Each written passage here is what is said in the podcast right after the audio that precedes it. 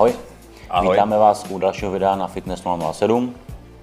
Tentokrát si dáme téma s Petrem otázky ohledně jídla a hubnutí pro změnu. Vidíš, co to Tady- se mnou dělá? No, To tady dlouho nebylo, viď? ano. To jsou asi otázky, které se budou neustále opakovat dokola, ale se říká opakování matka moudrosti. Eh, Prosím pěkně odkazuji na video s novoročními předsevzetími, speciálně na pasáž o tlusté housence. Tam je řečeno vše. Máte nápovědu. Tak. Tak, ať se zbytečně nezdržujeme, půjdeme k věci. Ale máme tady první. Můj přítel se už po několikáté snaží zhubnout, ale vždy po přibližně pěti kilech upouští od pravidel a začíná prasit. Není úplně snadného přijít k pravidelnému pohybu. Už nevím, jak na něj. Tak asi jako zase nutit, nutit ho taky není cesta, že jo? Chcete ho ještě? Ne, tady to je o tom nevím, jako... co na to říct. Já taky ne, protože jako nikomu, jak na něj, jako pokud to není jeho svobodná vůle a rozhodnutí, na No, který jsme se odkazovali už v tom videu novoročním, musí začít sám u sebe přítel a a přimět, jak říká Petr, začít přijmout sám sebe a, A jako, chtít. já bych to řekl jako jinak. A proč se ho snažíte změnit? Jste si ho vybrala takhle? Tak proč ho měníte? Proč vám najednou nevyhovuje, že je prostě tlustý a nehubné a necvičí? Takový byl možná i předtím. A je vaše vůle, jestli s ním budete nebo nebudete. Pokud vám to jako úplně nevyhovuje, tak stejně ho nepředěláte, pokud on sám chtít nebude. Můžete ho maximálně motivovat svým přístupem k tomu, ale víc toho asi dělat nemůžete. Protože nikoho ne- nedonutíte se změnit jako jen tak, pokud ten dotyčný člověk nechce. A předhazovat mu to neustále, jako že by něco měl, jako upozorňovat někoho na, na jeho nedostatky tímhle způsobem, to znamená, jako ještě víc ukotvuju ty nedostatky v té hlavě. A taky to může skončit tím, že pak už se jako nepochopíte, protože vaše pravda bude jiná, jeho pravda bude jiná, takže já bych asi do toho jako úplně nerejpal, nechal ho být. A žil bych si svůj život, který já považuji za dobrý pro sebe i pro něj, i pro, pro ostatní kolem. A buď pro svého přítele budete natolik motivací, že se třeba k vám přidá, no, nebo se k vám nepřidá. Ale jako, abyste ho přiměla, No, nejde. ho můžete strašit a můžete mu vyhrožovat, že a, tedy, a stejně, to, stejně zase zhubne a v momentě, kdy strašit přestanete, tak on se na to vyprdne, pokud, jak říká, jak sám nechce, tak s tím nic neuděláte. Je mi líto. Já k tomu jenom dodám, že takových lidí znám spoustu, jako jsou to ty většiní dietáři, kteří prostě něco zhubnou, ale pak ještě dvojnásobek přiberou a, a prostě dlouhodobě nevydrží. Buď úplně jakoby sejmou přesně ty kalorie příliš moc, takže trpí tím jídlem. To znamená, vůbec jim v tom není dobře, v té stravě. Proto taky brzy končí a naberou zpátky ty kila, takže je to začarovaný kruh. A buď ten člověk bude chtít sám jakoby se sebou něco dělat, protože je mu to nepříjemný, a nebo s tím prostě je v pohodě a změnit to nebude, ale Je tady jedna věc, která mě napadla, eh, proč třeba i z toho lidi zdrhají, že nemusí být blbá motivace, ale blbá cesta. Eh, Že si zvolej cestu, to je to, co jsme řešili vlastně ve videu o novém roce, cestu tak náročnou a tak složitou, která je vlastně vykopne výrazně víc z jejich nějakého standardu a komfortu, než co jsou schopni a ochotní vlastně obětovat. A nebo to prostě nezvládnou, tak z toho utíkají ven, že možná, možná, že ten člověk jako chce, ale ale neví jak. A každá cesta, kterou vybere, tak si vybere ho tu, tu cestu té tlusté housenky, což znamená neúspěch. Vždycky to znamená neúspěch. Takže, protože kdyby tlustá housenka byla úspěšná, jak z ní nebude tlustá housenka ve finále, ale bude z ní krásný motýl, nebo nebude z ní můra. Že? Takže možná i tady je problém, takže na druhou stranu možná je to o tom jako vystoupit ze svého ega nebo odložit ho a jít se s někým poradit, kdo to umí třeba o trošku líp než já. Já se taky nebudu hrabat v počítači, protože to nevím, a když si zlomím nohu, tak si taky nebudu opravovat sám. no já jsem jenom chtěl říct, jak říkáš, zajít tak někomu, kdo se tím eh, zabývá a říct mu jakoby více k tomu, protože my tady víme jenom, že Ano. nehubne a je tím demotivovaný evidentně, ale jakoby ten postup jako my neznáme, takže těžko asi budeme... Tam těch prav může být spoustu. No. Slečna může tlačit, on začne teda, aby měl na chvilku klid, nebo jde blbou cestou, nebo má špatnou motivaci, nebo je z toho unavený, bla, bla, bla. Tam těch věcí může být tak strašně moc. A to jako měřím tolik, vážím tolik, jsem furt tlustej, nehubnu, co mám dělat. No. To je tvoje věc. Jo. Co s tím budeš dělat? Řekni víc, nebo si zaplat někde. Poraď se, když to neumíš. Bohužel takhle nemůžeme radit úplně. No. Ani nechci takhle radit, jako ve své podstatě, protože to, to nejde. Uh, ten člověk jako musí tu zodpovědnost vzít sám za sebe a jít se a rozhodnout a udělat něco a nejenom to, uh, jako někde něco poslouchat a říct, dobře, on to poradil, že tak já to tak jako zkusím já. Potřebuji pro to udělat trošku něco víc, mm-hmm. malinko to. Přesně tak.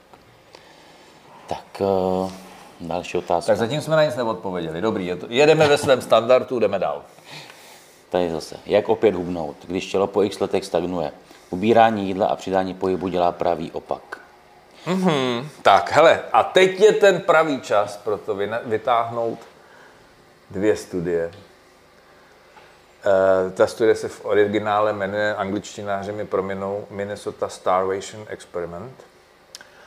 A pak je to eh, Revisit Minnesota Starvation Experiment. Ten první byl v roce 44 až 45 a ten revidovaný byl v roce 2015. A ten, ta revize potvrdila závěry toho prvního, ale teď dáme technickou, protože já fakt na to budu potřeba braille, protože to jsou tak malý písmenka. A tentokrát, vážení přátelé, skutečně budu citovat ze studie, klidně vám i řeknu, jaký byly, protože od teďka to budu dělat, protože pak mi chodí ty maily, jestli bych jim tu studie nemohl poslat a já už zase nemůžu najít potom. A tady to máme.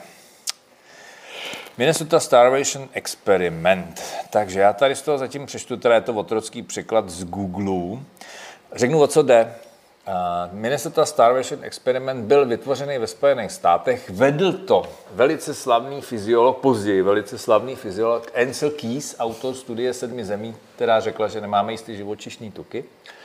A ta studie byla designovaná proto, aby se vlastně zjistilo, jak realimentovat tu hladovějící Evropu po druhé světové válce. To znamená, tam byli nějaký dobrovolníci, muži, kteří napřed nakrmili standardně, pak je vyhladověli pomocí 1560 kilokalorií, aby zhubli na určitou váhu a pak jim přidávali jídlo.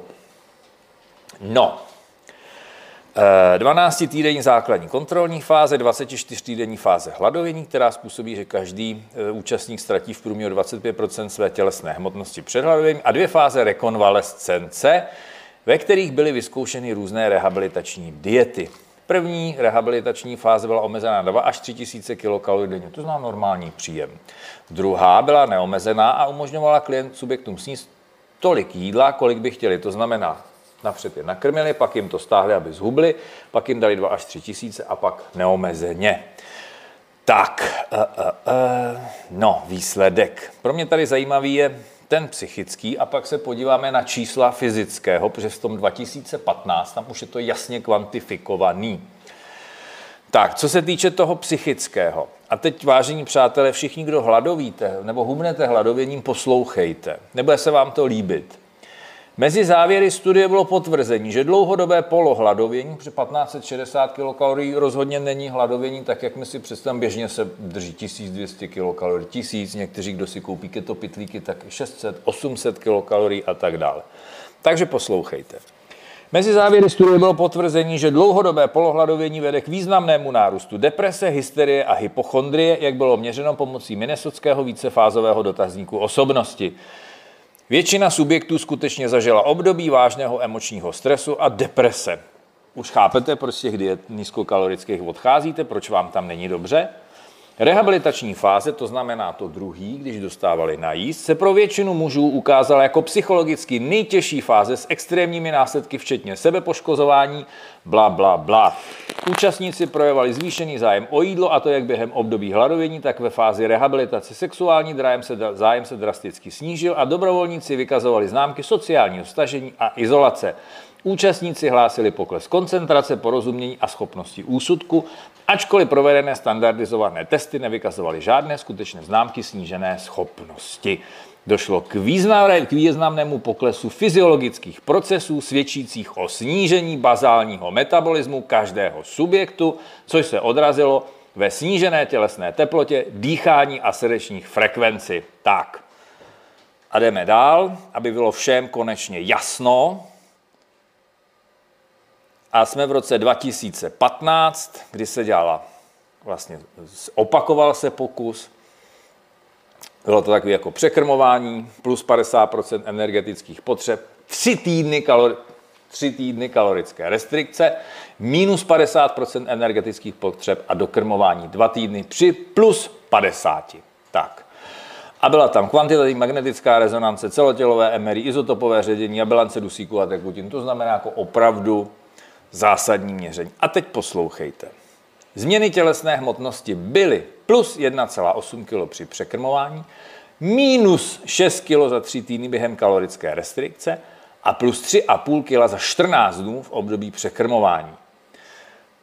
Kalorická restrikce redukovala jak tukovou hmotu, tak i netukovou hmotu o 114 a 159 gramů. Tuková versus netuková. To znamená, tuku ubylo míň než aktivní hmoty.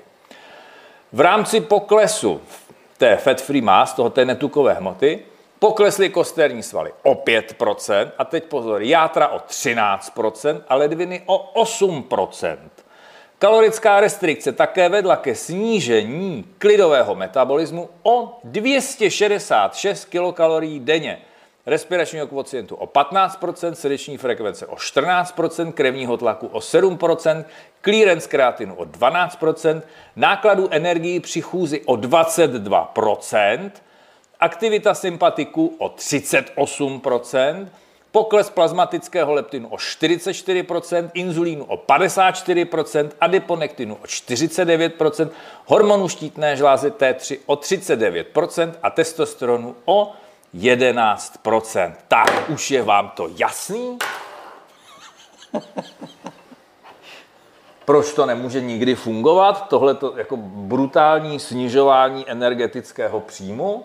A proč se furt motáte v tom kolečku jojo efektu, že to není do prdele o snižování energetického příjmu, ale o navýšení metabolického obratu a zlepšení spalování tuku. Což se mi nepovede tím, že budu neustále ubírat, ubírat, ubírat a přidávat cvičení, protože jediný, čeho dosáhnu, že ten organismus dotlačím do téhle deprese, do toho hladovění, do psychických problémů a následně přežírání. Protože ty změny, které tam jsou i v těch hormonech sytosti, hladu a tak dále, ty neskončí tím, že se najím. A to trvá ještě chvíli poté. I ta snížená spotřeba trvá ještě nějakou dobu poté. Takže my tady řešíme v podstatě něco, co má řešení úplně někde jinde. Takže jestli mi někdo bude furt vykládat, že calories in, calories out, a že zákony termodynamiky a bla, bla, bla, když tělo není uzavřený systém a tělo se ve své podstatě dokáže adaptovat. Ano, musím spalovat více, ale musím spal, o trošku musím spalovat efektivněji, protože pokud nedojdu teda k úplnému hladu, ale k tomu polohladu, který se tady dělá, no tak logicky to musí dopadnout tímhle způsobem. Samozřejmě u každého člověka je to trošku jinak. Každý z nás se adaptujeme malinka to jinak, ale prostě ten organismus nechce jediný. Chce přežít. Takže já nemůžu jít tou cestou, že budu furt snižovat, snižovat a všechno přesně vážit a řešit. A snižovat si metabolický obrat. To víš sám, že nemůže, že jo, prostě ten příjem sesekat úplně. Můžeš na chviličku, že jo, ale ne na dlouho. Ale já potřebuji naopak zvýšit obrat to znamená, to dělám cvičením a dělám to jídlem. A to je první věc. A druhá věc, nemůžu se furt spát s sacharidama a jíst moc krát denně a od rána do večera, protože pak mi nefunguje něco, čemu se říká metabolická flexibilita. Prostě Ve chvíli, kdy se furt rvu sacharidama, no tak spaluju neustále glukózu. Ve chvíli, kdy nehladovím a nedonutím to tělo, aby si šáhlo na ten druhý zdroj, na ty mastné kyseliny a mám furt vyšší hladiny cukru, no tak nemůžu vlastně se dopracovat k tomu, že budu spalovat tuky, respektive mastné kyseliny. A pak nedej bože, když přistoupím ještě na to, jestli mám před spaním dát druhou večeři. Ještě mi vystřelí inzulín nahoru a ani se mi nevyloučí růstový hormon. To nejde, že? Ve své podstatě ve své podstatě já můžu trošku ubrat, ale to zásadní je zefektivnit, změnit skladbu a zvýšit výdej. Ale očekávat to, že snížím příjem jenom, tak mi to přinese efekt na chvilku. Tady jste slyšeli ty devastační následky, které, protože proč by ty svaly se držely, že, když se nehejbou. No, logicky. Takže pozor na to, jako v tomto světle opravdu nechápu, jak se můžou dělat všechny ty zákroky, které se s těma lidma dojí, když tady máme jasný studie, co to dělá psychicky, co to dělá fyzicky. A přesto, že, přesto se neustále chodí tady do toho. A už vůbec nechápu, jak se tady můžeš jako... A to je jedno, to nebudem řešit. Prostě, prostě ubíráním a vytvářením nepohody, zvlášť u lidí, teď ještě je potřeba si říct tu druhou věc, že všichni, kdo naberou tu strašnou váhu, nejsou šťastní lidi. Nejsou psychicky v pohodě, neváží si sami sebe ve většině případů, proto jsou v té fázi, v jaký jsou. A ty jim ještě ubereš jídlo a způsobíš tomu nestabilnímu člověku tu psychiku rozkopeš ještě víc. A pak ještě si tam chodí pro ty boží tresty za to, že náhodou zhřešil, protože je úplně v prdeli, protože se nemůže najíst, má hlad, necítí se dobře, no tak ty ho ještě, ještě místo toho, aby řekl, hele, já chápu, trošku polevíme. Jak to, že jste to snět? Jak to, že jste to neudržel? No, no neudržel prostě, no. Mám hlad. Myslím, že řekl si hezký příklad, tak jak to je, ty studie. A ještě vás jenom odkážu, máme vlastně video, kde je to jeho, je to jeho efekt, vlastně to video se nazývá no. dokonce, který jsme už točili, tak se na něj mrkněte, snad Teres to tam dá do odkazu. No za to jsme dostali od určitých lidí pojem, že, jo? že to vlastně... Ale tak tady to máte konkrétně, jak si to najděte. To tak je, takže asi tak. Mrkněte na to a teď vám ještě Petr k tomu přečet ty studie, takže Dvě. dvě studie. Dvě studie. Dokonce. Ano, a velký studie. A, no, jsem se A není to jenom je to o studiích, ale myslím, že to s Petrem jako známe i z praxe reálných, nejenom ze studií. Ano, čím víc ten člověk se dře, čím víc ubírá, čím to má striktní postavený, tím horší výsledek. Bohužel. A čím častěji to opakuje, když se tady bavíme celou dobu o adaptaci. A to je prostě, když budu trénovat, tak se adaptuju na trénink, musím si nakládat víc. Když zrovna v tom jídle se jako úplně adaptovat asi nechci, že jo? Když tou váhou potřebuji něco udělat, tak nemůžu tomu tělu naložit takový kotel. Ale musím mu to trošku měnit a musím naopak rozjet metabolismus. Ne ho zpomalovat dál, protože ten už jsme si zpomalili sezením, topením, neaktivitou a tedy. Takže ten problém je tady a další ubrání jídla udělá další zpomalení metabolismu. A myslete si, co chcete a pište si tam, co chcete, prostě je to tak. A ve chvíli, kdy váš klient řekne, že mu je zima, tak víte, že jste na nejlepší cestě, že jste mu ten metabolismus už docela dobře sekli. To mám před závodama.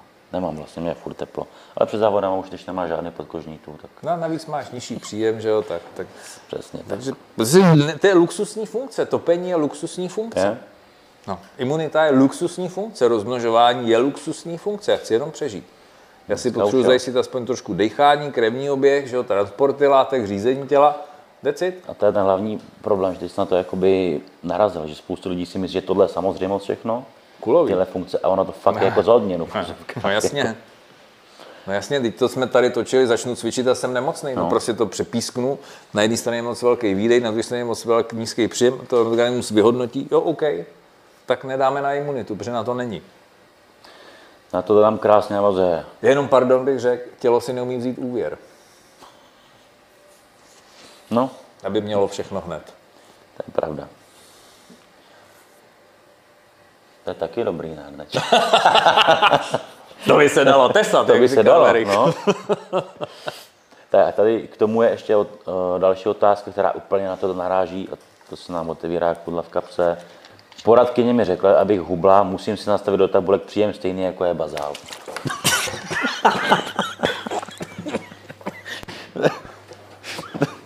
tak... Tady... Ty vole. Tohle bylo, myslím, že nemusí říct žádný slovo a tohle mluvilo, mluvilo za vše. Dobře. To je, teď o tom Petr mluvil, to je, a bohužel tohle se děje strašně často, strašně lidí mi to píše, holek hodně, který, jedna, tady máš kapesníček. Jo. To je největší blbost, přesně udělejte to takhle, jako vám to říká tady poradkyně, nebo jaká výživová poradkyně, nebo co bude specialistka nutriční, nevím. A dostanete se do toho, o čem tady Petr jako celou dobu mluvil. Tělo akorát zasekáte daleko víc a přijdou všechny tyhle problémy s tím zpětý, takže rozhodně bych... To bylo kom- tak hezky komentáře. výstižný, bez komentáře.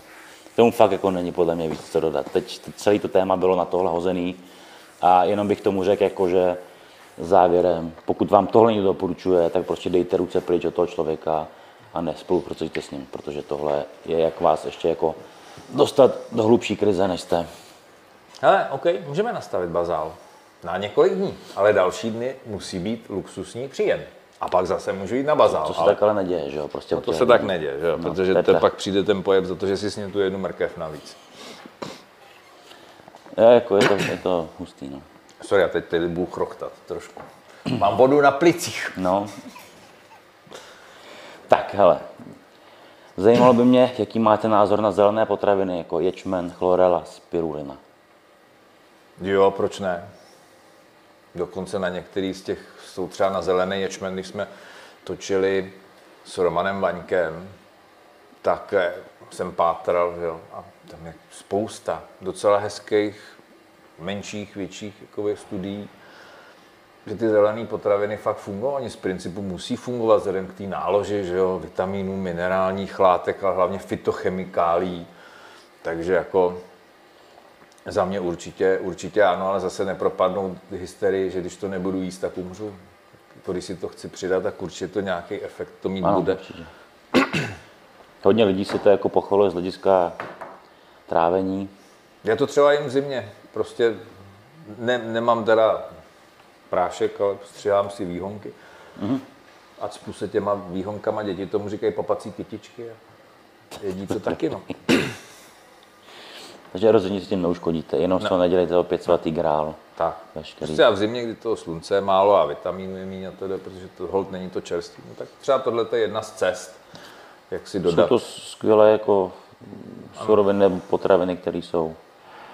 Tak, ale že by, to jako, že by to jako, máme to v tématu na hubnutí, že by to Ano. hubnutí bez toho nešlo, Tak. nebo to bylo k tomu nezbytně nutné, nebo že by to to hubnutí zrychlilo, to asi ne. Ale při té kalorické restrikci, která tam vždycky je, tak tady si zase dodám něco z těch nepostradatelných živin, který ovlivňují metabolismus, eh, aniž bych si zvyšoval energetický příjem. Tak, Hezky uzavřené.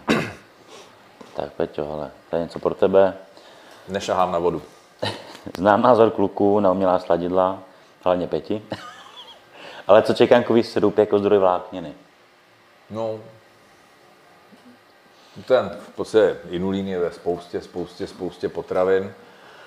Eh, hele, pokud máte odolný střeva, tak to asi přežijete, protože zrovna, zrovna ten čekankáč, ten inulín je taková trošku problematická vláknina, ona patří do, do, do těch FODMAP, že, do těch rychle skvasitelných e, sacharidů, to znamená, že u mnoha lidí, zvlášť u lidí trpící syndromem, tady já teď vidět ta louže zase, syndromem, no, zase to nameteš na mě, tu jako to, syndromem draždivého střeva, tak eh, vlastně jim ten inulín udělá peklo v životě. A když to jako přeženeš ještě víc, no tak pak jako si plánuješ trasu ne tudy, kudy chceš, ale kde jsou hajzly, abys to vlastně stíhal dobíhat, protože to nejen, že to nadýmá, ale může to způsobit i průjem. Takže eh, ten problém je v tom, že když eh, vlastně k tomu přistupu neopatrně a neuvědomím si, že vlastně v tom běžném životě, i když mám tu pestrou stravu, ten inulín jim vlastně postupně v menších dávkách, a teď to do sebe naženu po polívkových lžících, no takže ten problém se zažíváním samozřejmě mít můžu, ale jako inulín je prebiotikum, jenom tady pořád jsem nenašel odpověď na to, co se děje s diverzitou střevního mikrobiomu, pokud mým dominantním zdrojem vlákniny je inulín. Protože těch vláknin nebo respektive nestravitelných sacharidů jsou stovky. A pokud tam mám jednu jako dominantní a žádnou jinou tam nemám, nebo ji mám úplně v minoritě, co, co to s tím mikrobiomem následně, následně udělá? Takže já nevím, jestli se dělali nějaké studie na překrmování se inulínem, ale minimálně ty zažívací obtíže tam prostě jsou. Ale na druhou stranu, sladidlo je to geniální. Prostě sladit vlákninou je fakt. A ty to nemyslím vůbec jako špatně. To je geniální.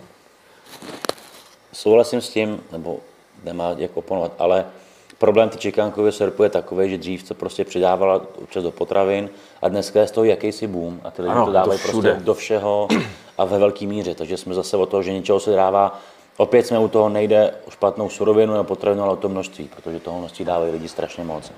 Já jsem si Vlastně- jednou koupil voříškou tyčinku. Ani ve snu mě nenapadlo, že bude slepená inulínem. Já jsem pak chodil a říkám, ty vole, čem mě je tak blbě.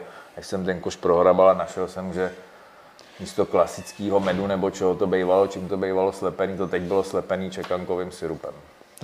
Tady se dá docela říct, že, že není to špatná věc, nemusí být špatná, ale zase je to o tom rozumném přístupu k tomu občas si tím prostě něco osladit, ale nedělat z toho příjem den co den, jakoby v několika ještě fázích stravy. No. Já znám takový, který to dávají psům, Jo. aby měli lepší mikrobiom. Tak se dává do Protože nejsou nemocní od té doby. Jo, to, to nevím. Jenom trošku serou. Tak, ale znamená nižší využitelnost bílkovin také to, že z nich nezískáme tolik energie a mají tak rostlinné bílkoviny méně kalorií?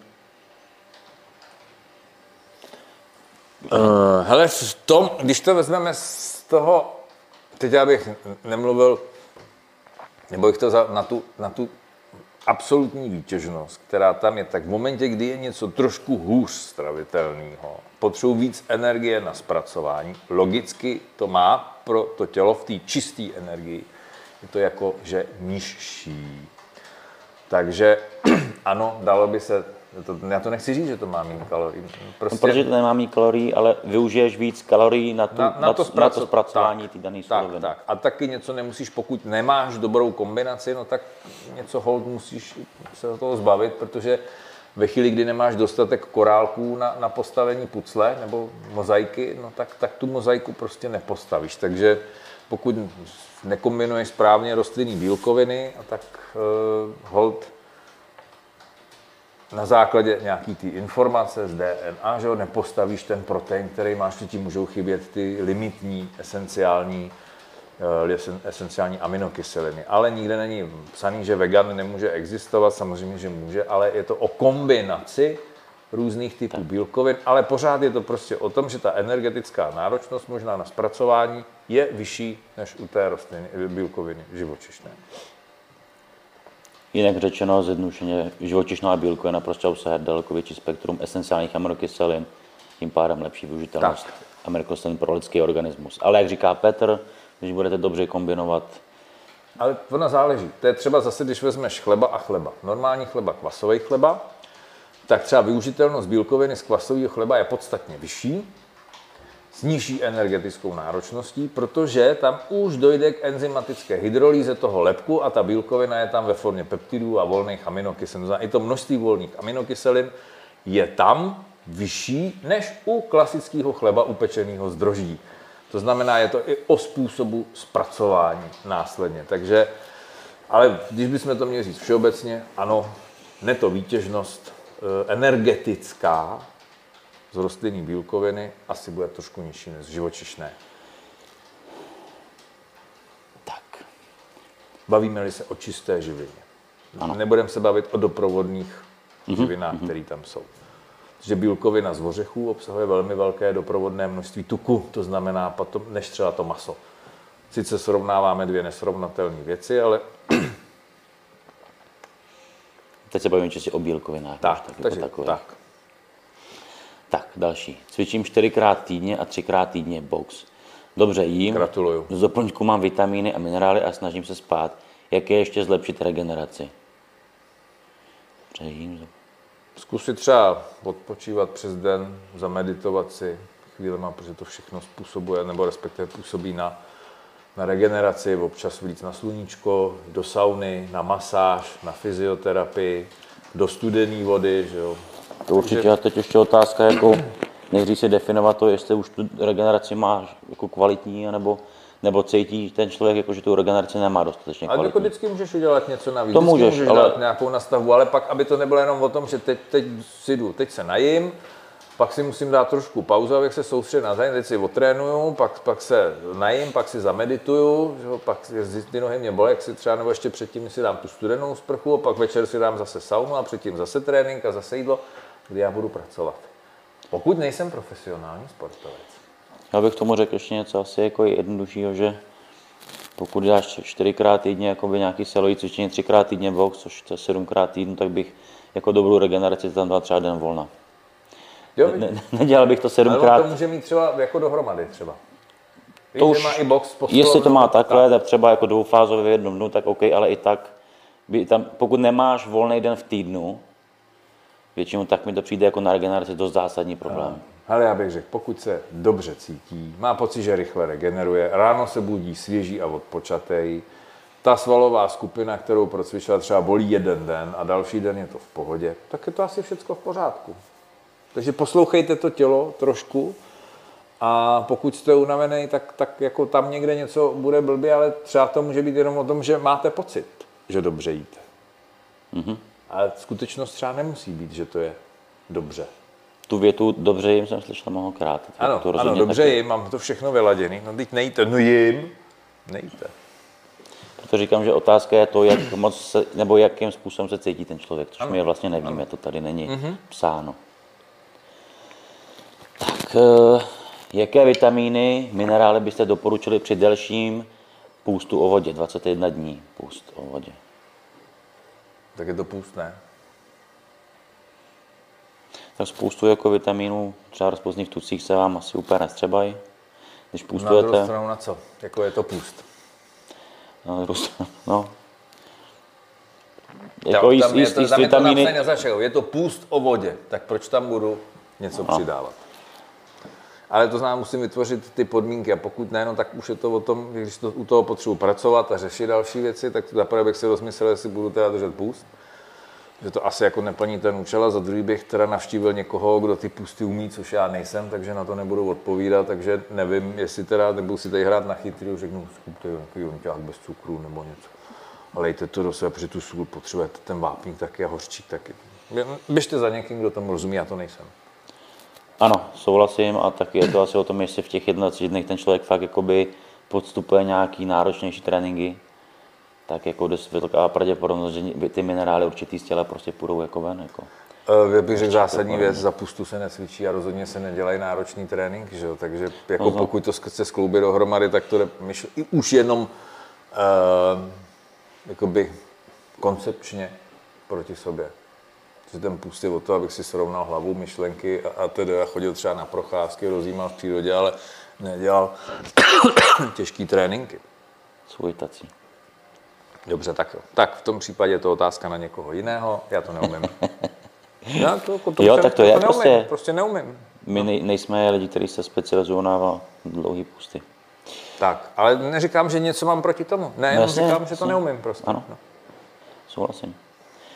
Jak je to se sojovým proteinem a sojovou náhražkou masa? Nepiješ, tak je dobrý. Dá se to počítat jako kvalitní bílkoviny? Asi jo. Já Ale tak jako sojový si- protein dobrý, tak jako ten přístup k němu se neustále přehodnocuje, že říkají všichni, že to je dobrý, spousta No. národů na tom žila, jako na tradiční bílkovině. Uh, OK, efekt fitoestrogenů se víceméně tak jako dost potlačuje, že tam nějaké je, takže z toho bych se taky asi úplně nebál. Čeho bych se bál, jsou ty náhražky. To je prostě o tom, že ta náhražka vlastně- je prostě náhražka, nechápu, proč jíst náhražku masa, to jsme furt u toho koncepčního sporu, ale e, mě to samozřejmě nedalo, tak jako vzhledem k tomu, že se tam spou různý zahušťovadla a další a emulgátory a podobné věci, no tak já jsem si některý hledala a hledal jsem jejich vliv na mikrobiom. No nevyšlo to hezky. Tak pro boha živýho, tak jako když to někdo chcete a jste přesvědčený o tom, že to je dobře, tak se mrkněte na ty suroviny a dejte si trošku té práce a podívejte se do těch vědeckých knihoven na studie, jestli zrovna tyhle ty zahušťovadla, které třeba v přírodě nejsou, tak jestli náhodou neposunujou vlastně to složení mikrobiomu někam, kde být nemá. Já to, co jsem našel, tak jako jsem si říkal, aha, tak to asi ani zkoušet. Možná to někdy ochutnám, ale že bych to natrvalo zařadil do svého jídelníčku, to asi ne. A že bych v tom viděl budoucnost našeho stravování, no tak to teda rozhodně ne. A můžete si se mnou nesouhlasit, jak chcete, ale hledejte ty informace celý a, a ne půlku, jenom vždycky takovou, která se hodí. A prostě v momentě, kdy něco rozeberu na složky, pak to skládám zpátky dohromady a nedám tam úplně všechno. Plus do toho dám ještě něco, co ten organismus nezná, no tak v ten moment to je pro mě takový to, tak se jdu podívat na to, co by to mohlo dělat. A sojový protein neudělá asi nic. Ne, Rostlinný olej, to už je otázka, protože ve spoustě těchto věcí je přidávaný rostlinný olej. V mnoha případech je to třeba olej slunečnicový, což je soja, zdroj omega-6, slunečnice další zdroj omega-6. A jsme u toho, ano, u toho neustále zmiňovaného pro zánětlivého působení a neustálého zvyšování množství omega-6 polynenasycených masných kyselin ve stravě a úbytek omega-3 polynenasycených. To znamená protizánět, pro zánět nahoru, protizánět dolů. To je první věc. Druhá věc, a konečně jsem, konečně mám, jsem, mě napadla ta argumentace vůči rostlinným olejům, ze kterými všichni odsuzují jako rafinovaný rostlinný oleje. Všiml jsi někdy, že jakákoliv rafinace, rafinace, obilí, rafinace, cukru a tak dále, je blbě.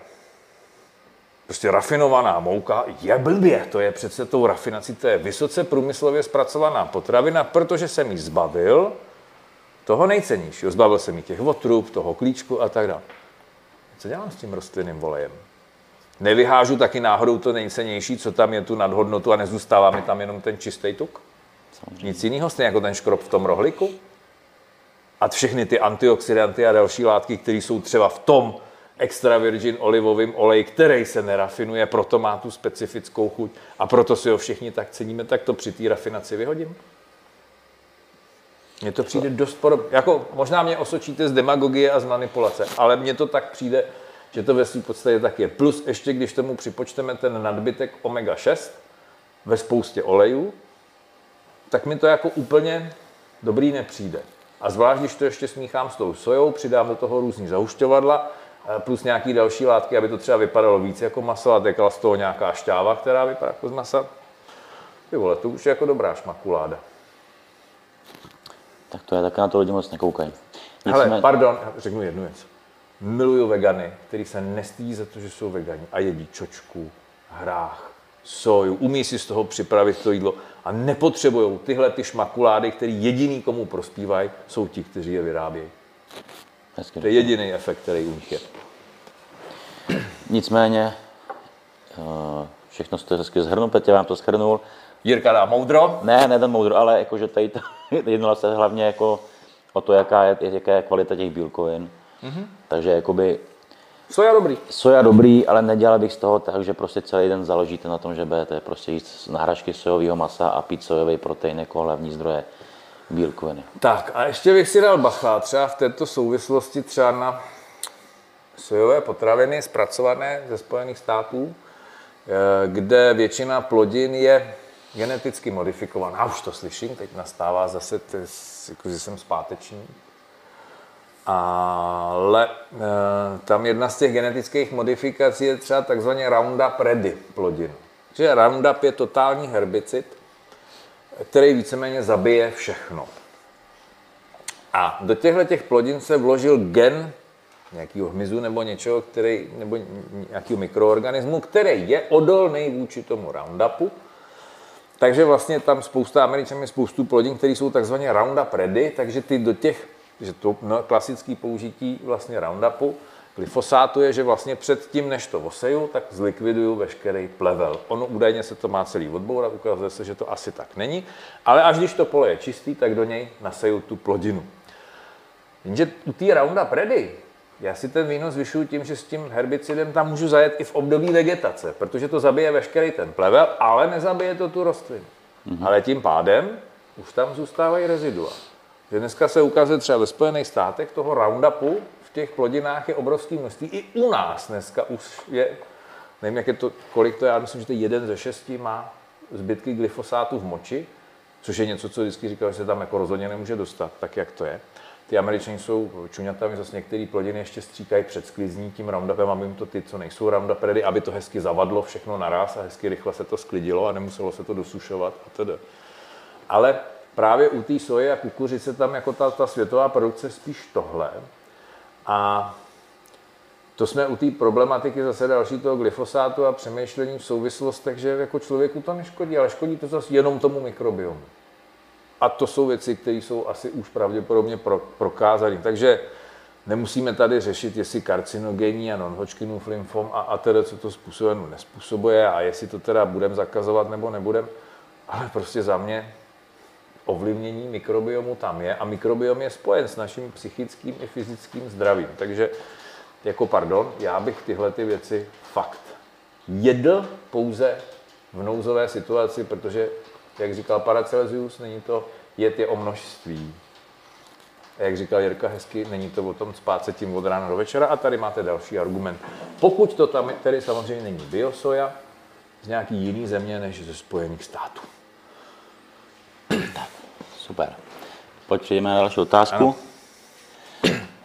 Kde u vás začíná tlustý člověk? Co to vlastně znamená? Já znám spoustu žen, které jsou okolo 170 cm, Mají něco okolo 80 kg, cvičí pravidelně, jedí zdravě a stejně se nemohou zubnout.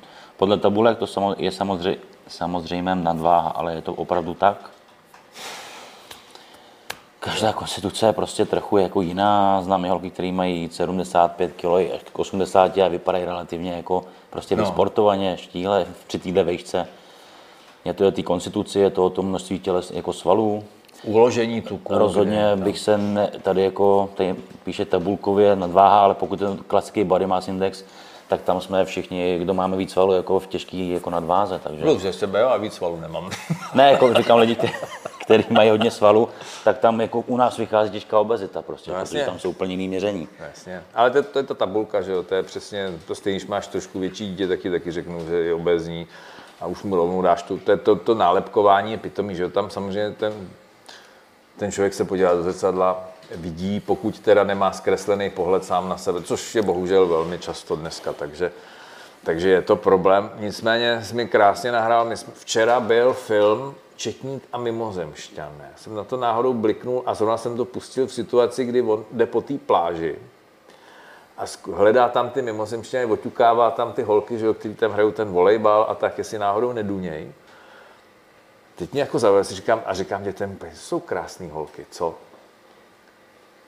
A teď jsem se tak říkám, ty vole, tady jsou všichni štíhlí. A teď jsem si říkal, Hergo, tak buď celou tu pláž, všechno je to kompars, jako ten kilometr doprava, i kilometr doleva, kam. A nebo jsme se fakt posunuli úplně někam jinam. Protože tam jako, samozřejmě tam byli lidi s nadváhou, trošku nějakou, ale nebylo to to, co vidíš dneska.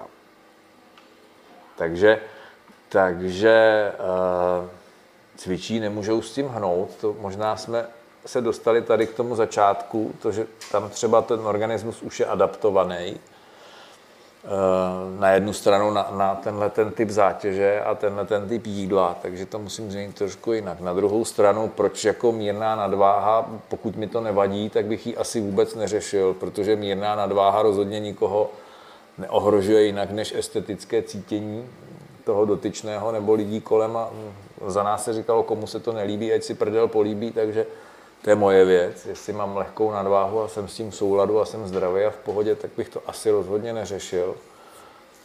Ale tam je otázka, co to je, kde to je, jestli jsou tam nějaký další rizikové faktory, třeba zdravotní a tak dále. Jo. To rozhodně to prostě já pořád nejsem schopen přijmout to, to, že tady uděláme nějaký škatulky a do toho zařadíme jednotlivý lidi. No tak rozhodně to spíš jednoduše řečeno není jenom o té váze. Je to o tom, kde je ta váha rozmístěná, mm-hmm. jak ta váha vypadá skutečně zrcadlo, když se na to jako reálně podíváte. Mm-hmm. Prostě pokud někdo oplácený, má prostě špičky na x místech, má převis břicha, tak tam už prostě jakoby se dá mluvit jako o tom, že ten člověk za mě, pro mě, neříkám, je tlustý prostě, tak to jako je lidi hrozně porovnávají to, co vidí jako na, na těch sociálních sítích, ty super fotky, to jsou fotky ze soutěží nebo z příprav, které prostě ty lidi dávají dokola.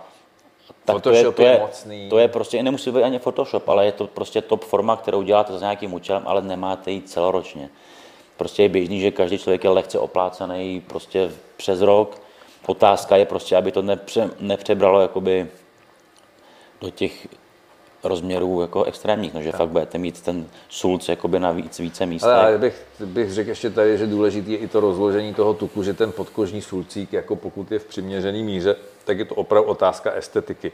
Ale tam je velmi nebezpečná jedna věta, kterou já slýchám velmi často od, od dam, který hodnotí svý muže. Říká, on je štíhlej, on má jenom ten, to, ten, to břicho. A to je velmi často i otázka vlastně vrcholových sportovců, že jo, který víceméně mají téměř nulový podkožní tuk, nemají téměř žádný tukový buňky.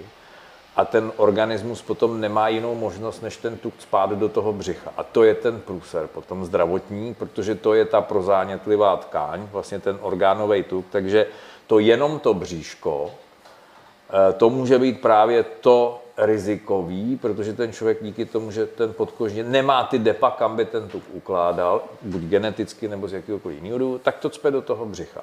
Ale to je to, co následně může způsobit ten problém. To znamená, že to, kolik je důležitý, ale zároveň je velmi důležitý i kde. A pro mě ta věta, on má jenom to bříško, a jako takový to na to zbystřit, hele, možná důležitější řešit to bříško vašeho manžela, než, než vaši zadnici, protože z té zadnice infarkt nedostanete, mm. ale z toho pupíku manželova možná jo, teda on ne, vy ne, ale on jo. On možná dostane infarkt z toho, když přeroste ten váš zadek, protože má to rizikový břicho, tak ho dřív jebne. No, jsem uzavřel nicméně nedělat prostě závěry výška váha, mm-hmm. jako kolikrát. Ano. Prostě můžete vedle sebe rád dva lidi, kteří budou, nebo dvě ženy, který mají tady, píšete 80 kg, každá z nich bude vypadat úplně jinak. Jedna bude oplácaná, tučná, druhá bude mít stejný váhu a bude mít na sobě spoustu svalů a bude mít i prostě třeba mohutnější kostru, širší ramena, širší mm-hmm. pánev, cokoliv a hned ta váha prostě jako je jiná. Já vím, že jako ženská, která má pětky prsách, se pravděpodobně do, do tabulky taky nevejde a mm. přitom je to štíhlá ženská. A ne, teď nemluvím o silikonu. Jasně, jasně. Takže tak, nesoudit podle tabulek. Tak. Tak, poslední. Ano. Zajímavá otázka. Snížila jsem příjem ořechů a průmyslové šmaky, nejím. Do vloček si sypu konopné a drcené lňané semínko, stejně jako do kváskového chleba. Jím mořské řasy, rybí tuky jako doplněk stravy a zvýšila jsem příjem ryb. Co když to přeženu a budu mít naopak moc omega-3 a málo 6? Je to vůbec pro, střed, pro středoevropana možné? Jak by se to pak projevilo v těle? No, no, člověče. To je zajímavá tak, otázka. To je zajímavá otázka. Zaprvé si myslím, že to možné není. Eh, že by se tohle to stalo, protože to, to by fakt, no, no pokud někdo vypije půl flašky omega-3 za den, tak je problém. On už je problém jenom, aby to nesoxidovalo. Že jo? To je, že holci řekněme na rovinu, že ty trojky jsou jako extrémně nestabilní z hlediska oxidace, což je následně problém, a že to není jenom oxidace ve flašce, ale oxidace v trávícím traktu i dál. Takže mm, jako určitě by tam došlo možná i k nějakému narušení fungování imunitního systému, protože pokud bych, protože ty šesky že jo, jsou pro zánětlivý a zánět je ten očistný, bych řekl, ta očista toho organismu, to znamená ten boj s tím patogenem, tak možná tohle by bylo jako narušený. Takže ale nejsem si úplně jistý, tam je potřeba ještě i další jako obrovské množství jakoby faktorů do toho zaníst. Na druhou stranu je tady určitě komunita lidí, která má víc strojek než šestek, což jsou eskimáci. Že? Ty se k těm šestkám, jako, jak by se k ním jako dostali úplně. Hmm, takže, ale pořád ten poměr, já si myslím, že jako tím směrem, kterým jako posluchačka nebo po, po, ta, to poslala ten dotaz píše, takže jako je to spíš jako nereálný se k tomu Je to propracovat, pokud nebudu teda do extrému a nebudu pít tuny toho, toho rybího voleje denně. nereálný to je, myslím si, že hlavně jako konopní a lněný semínko není pouze omega-3. Tam jsou tam i šestky A samozřejmě. to samé tak. pro střede Evropana, my tady moře nemáme, takže většina ryb, které tady prodávají, jsou prostě krmený v sádkách, takže jsou taky krmený. Takže mají taky omega šestky. 6, mají v sobě dost omega 6. Tam říkám, jediný riziko je to, že se přelejí tím, rost, tím eh, rybím tukem. Eh, To by a člověk asi pocítil, to by jako taky mu nebylo úplně nejlíp hlavně. Tak třeba zhoršení srážlivosti by tam taky mohlo být a jako určitě by se tam jako přelejovat se šest trojkama asi nemá Rozhodně ne. smysl. Já si myslím, že to, co smysl má, je si opravdu, protože to testování se v České republice teď bude rozjíždět, taky ten omega-3, omega-6 index, to znamená to testování poměru omega-3, omega-6 v buněčných membránách, jak, jaká, jaký je tam poměr, jaké je tam zastoupení. By bylo fajn ještě vidět, jak moc jsou tam některý zoxidovaný, nejsou zoxidovaný. A e, dřív to dělala jenom jedna firma, dneska vím, že na tom, že minimálně ještě jedna firma je v Brně a další laboratoře to teď chystají, že to zavedou standardně do testování, protože Uh, myslím si, že to je jako poměrně důležitý ukazatel zdravotní. Myslím, že to je ukazatel, který dokáže velice rozhodnout jako o tom zdravotním stavu člověka. Tak, tak, tak. Ty omega-3 jsou hodně zásadní, ale bohužel, jak už se tady zmiňoval, tak moc se vlastně neví, jak to jíst. Že fakt tam záleží ne na té kvantitě, ale na té kvalitě a jak se přijímá. Jo, tam to začíná jako opravdu už u zpracování, protože já musím mít i tu technologii vy- vyladěnou tak, aby mi ty trojky neoxidovaly už při vlastně rafinaci, při tom vlastně zdobývání z těch ryb a čištění. že jak jsem říkal, jsou nestabilní a těch míst pro navázání kyslíku je tam mnohdy víc než u těch šestek. Takže ta nestabilita těch trojek je vysoká, takže já potřebuju už jenom i při té výrobě je prostě chránit antioxidantama, aby mi neoxidovali. To stejný musím udělat i doma, to stejný musím udělat, ale i v tom trávícím traktu. Takže to je to, co je u těch trojek, je složitý, takže když to jim v tom, to je proto, proč jsem tady jako tak se bouřil i proti těm rostlinným olejům, protože tam já je okradu, že jo, o tu ochranu. Hmm. Stejně tak jako u té ryby, kde vlastně i v té rybě minimálně ten astaxantin, ten rybí tuk prostě chrání před oxidací a navíc je to uzavřený v té rybě, že takže tam to asi jako nemá úplně jak oxidovat. Uh, takže takže uh, i, i ten způsob vlastně zpracování, podávání je důležitý. A to je přesně i ta otázka jako důležitosti těch antioxidantů a ty obrovské důležitosti nerozebírat to jídlo na složky. Protože ta příroda to za nějakým účelem vytvořila a prostě když je tam tuk, a zvlášť nestabilní tuk, tak je tam velmi chráněný minimálně obalem a minimálně ještě další jako baterií antioxidantů.